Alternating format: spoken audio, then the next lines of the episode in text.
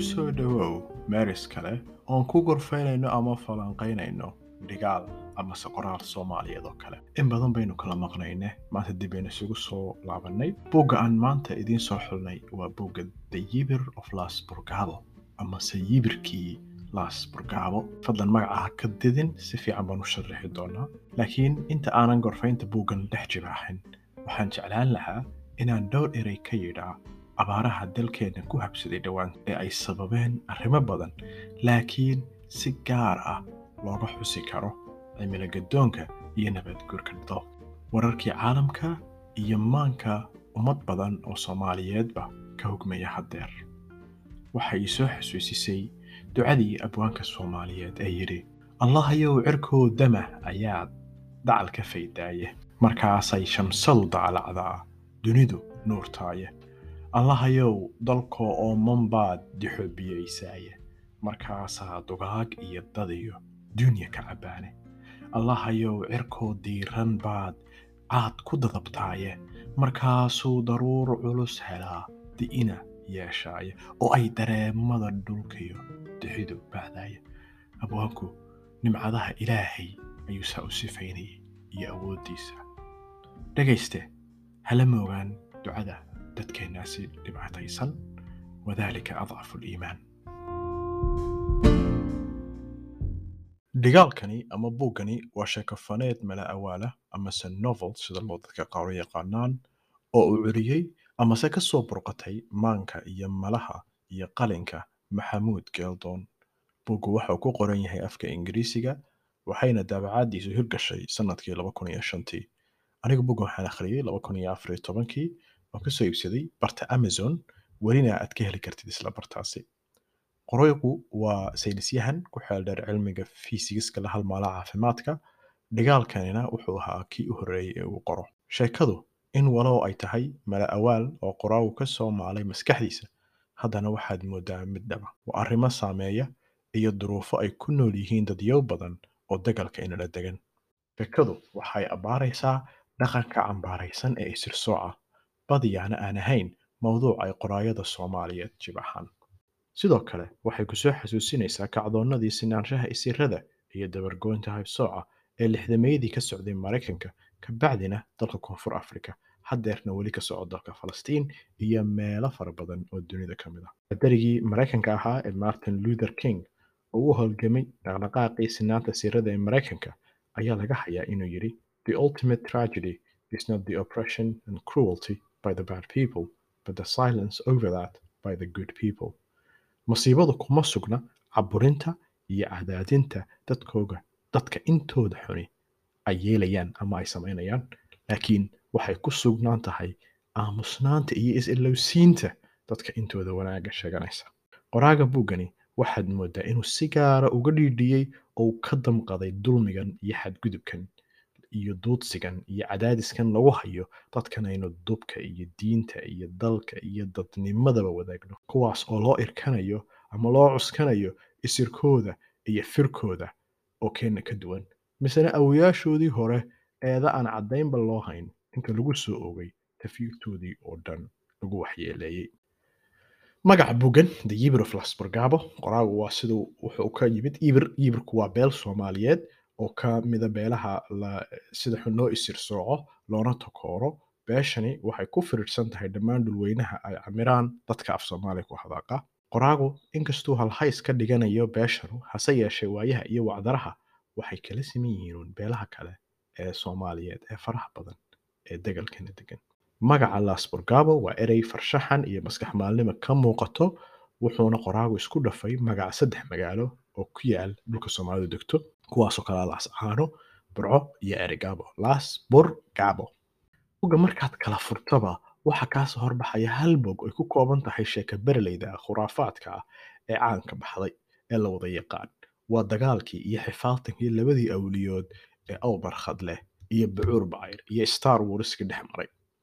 Labadani awliyo sida sheekadu xusayso waxa ay isku adeegsadeen barakooyin iyo teknolojiyadan xilligaas jirinba buuro la kala jeexayo iyo wax la isku celinayo iyo adduun dhan oo la dhaqaajinayo de waa axad mudaaba naruuto alaabahan waxaa la soo tabiyey inay macrakadaasi ku soo gabagabowday iyada oo bucuur bacayr laba buurood dhexdood sidii yamaanyuug oo kale lagu xanibay oo lagu xakameeyey halkaasna uu ku jirayo guushiina ay ku raacday aw barkhadle sidii sidoo kalena waxaa loo yaqaana aw barkhadle iminka dee sheekh yuusuf alkowneyn ilaa iminkana macrakadaasi waa loo dabaaldegaa oo waxaa loo bixiyey siyaaradii sheekh yuusuf alkowneyn gesiga dhulkiisa gusha uu horseeda gerida dishaay gedka habo ugabraaratada gumaysigu ku dhuunta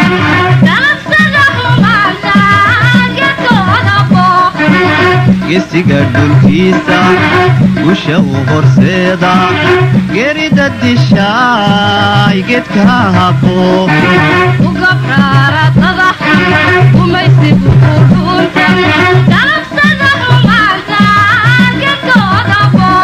guushii aw barkhadle waxaa xigtay in magdhow loo yeelay dadkii raacsanaa bucuur bacir dadka uu majaraha u hayay aw barkhadle oo loo yiqiin ajidan ah iyagana magtii inay bixiyaan ayaa waajib ku noqotay ile nin la dilay meerdhar ayaa dhacay wiil walba oo u dhasha dadka ajida ah waa inay hanti ka bixiyaan ama cashuur ama xoolo oo taasoo cashuura oo la siinayo dadkii raacsanaa bucuur bacayr oo meerdharkii ninkaa weyn ee awliyada ee khatarta ah ee superpower kale loo geystay dee lagu bixinayo taasina waxaa loo bixiyey lacagtaasi ama hantidaasi ama cashuurtaasina samaaniyada dhaqankan samaanyadu waa mid sii dabar go'aya.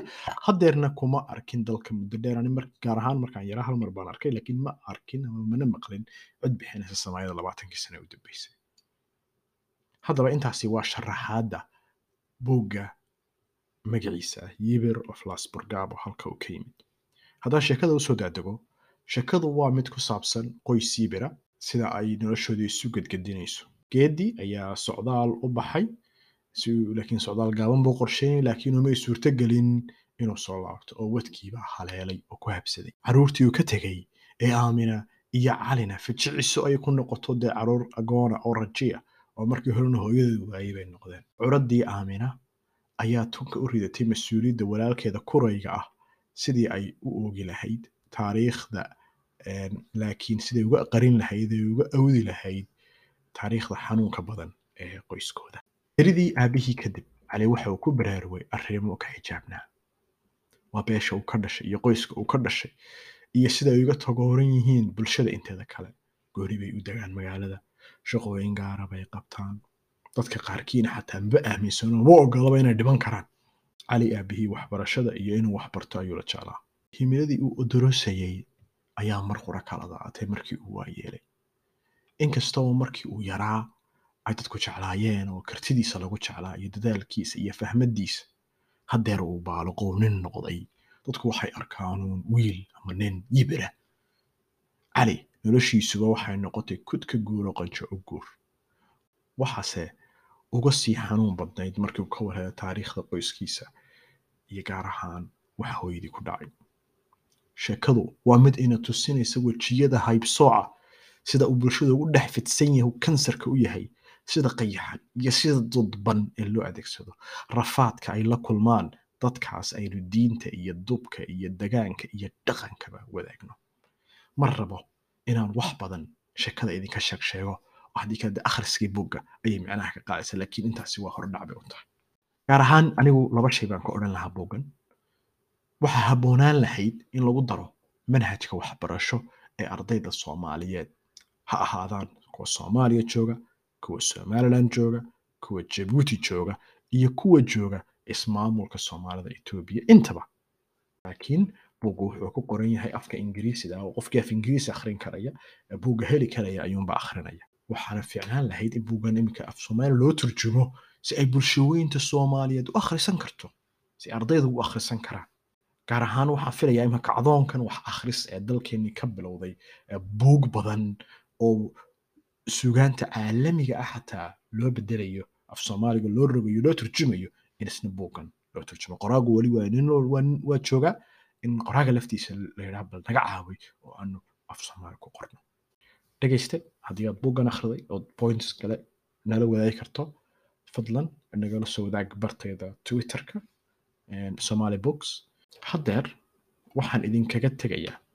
Dhegayste intaanan barnaamijka soo gabagabayn waxaan idinkaga tegayaa laba minute oo aan dhowaan ka dhegaystay youtube-ka. Saxafiga weyn journalistaha weyn maxamed cali weji oo muddo ka hor waxaan sannadkii hore ka hor eh, sannadkii hore ayay ahayd mar waraysi laga qaadayay. Uu si qiiro leh uga hadlay dhibaatooyinka soo ka soo wajahay sirsooca iyo haybsooca inaad labada daqiiqana dhegaysataan oo aan barnaamijkeenna ku soo gabagabayno bal ila dhegaysta lixdan iyo toddobadii marka ayaan macallin noqday lixdan iyo toddobadii. Iskuulkii u horreeyaan galay kalaaskii anu horreeyay galay marka habluhu waxay lahayn iskuulla gaara. Wuxuu ahaa iskuul habla ah oo elementary ah. Primary isku jiraa berigaa ma jirin. Waxaa jiray elementary intermediate. Iskuul berberi oo hablahu dhigtaan. Ayaan kalaaskii u horreeyay soo galay. Xiisadii markaan galay ee sabuuradii aan sidaa u eegay ayaan arkay erey igu kalif gaadhay mar inaan shaqadaba ka tago. Af soomaali ma jirin fasalkuna wuxuu ahaa standard two iyo standard three baaban mana ingiriisi bay dhiganayeen macallin ingiriisina oo lahaa. Ingiriisina brokanay ku qoreen. We know you master blacksmith. Waanu ku garanayna tumaaliyo miyeel baan ahaa waan dhiiday. Laakiin waxaan ilaahay ugu waa ardaydii galaaska qofka qoray garan maayo laakiin fara waaweyn bay ku qorantay waayo dee jadwalkii bay haystaan ee soo geli doonaan xiisada runtii waan gariiray cadho darteed ma ka wacyigelisa ardaydaasi dhegeyso miya si kalaan u baraya go'aan ban markiiba gaadhay oo waxaan adeegsaday educational psychology-gaan soo bartay. Ee arday sida loo dhalqa maaha sabuuradii baan masaxay ereyadii baan daayey waxaa leeyahay thanks for telling me who I am. Waa mahadsantiin baani sheegista ay sheegteen ninkaan ahay. And I am proud of it. Kalaaskii labaadaan galay anaa ku qoray kii saddexaad baan ku qoray. Ka afraad markaan maraya headmasterkii ii yeedhay waxaa la wada waa maxay? Carruurtu way kaa soo taxawoonaysaa baad ku qoraysaa meesha. Maasaan ku kuma qorin. Idinkaas saaka igu bilaabay. Waxaan markaa weliba ka shakiyey macallimiinta qaar inay ka dambeeyeen arrintan. Waxaan adeer ku leeyahay. Raganimada iyo kartidu maaha. Ta ninka qura. Haddii hadda inan inamadeenna ka mid ah hablaheenna dhiigkaada aynu maqsin ku xerayno halkan u dhigno alaab oo aynu toddoba cisho toddoba qof min toddoba jeer u soo gallo oo naho doqon baa tahay ama doqon baa tahay waxay ka soo baxaysaa bil gudaheed Iyadoo duufgaar iska biinay bal qofka bulsho dhan oo intaasoo milyani ku leeyihiin you are nothing. muxuu noqonayaa marka waa waxaan leenahay gargaar Waa rabbigu u baahan yahay dadkaasoo doomiga ka badbaayay u baahan yahay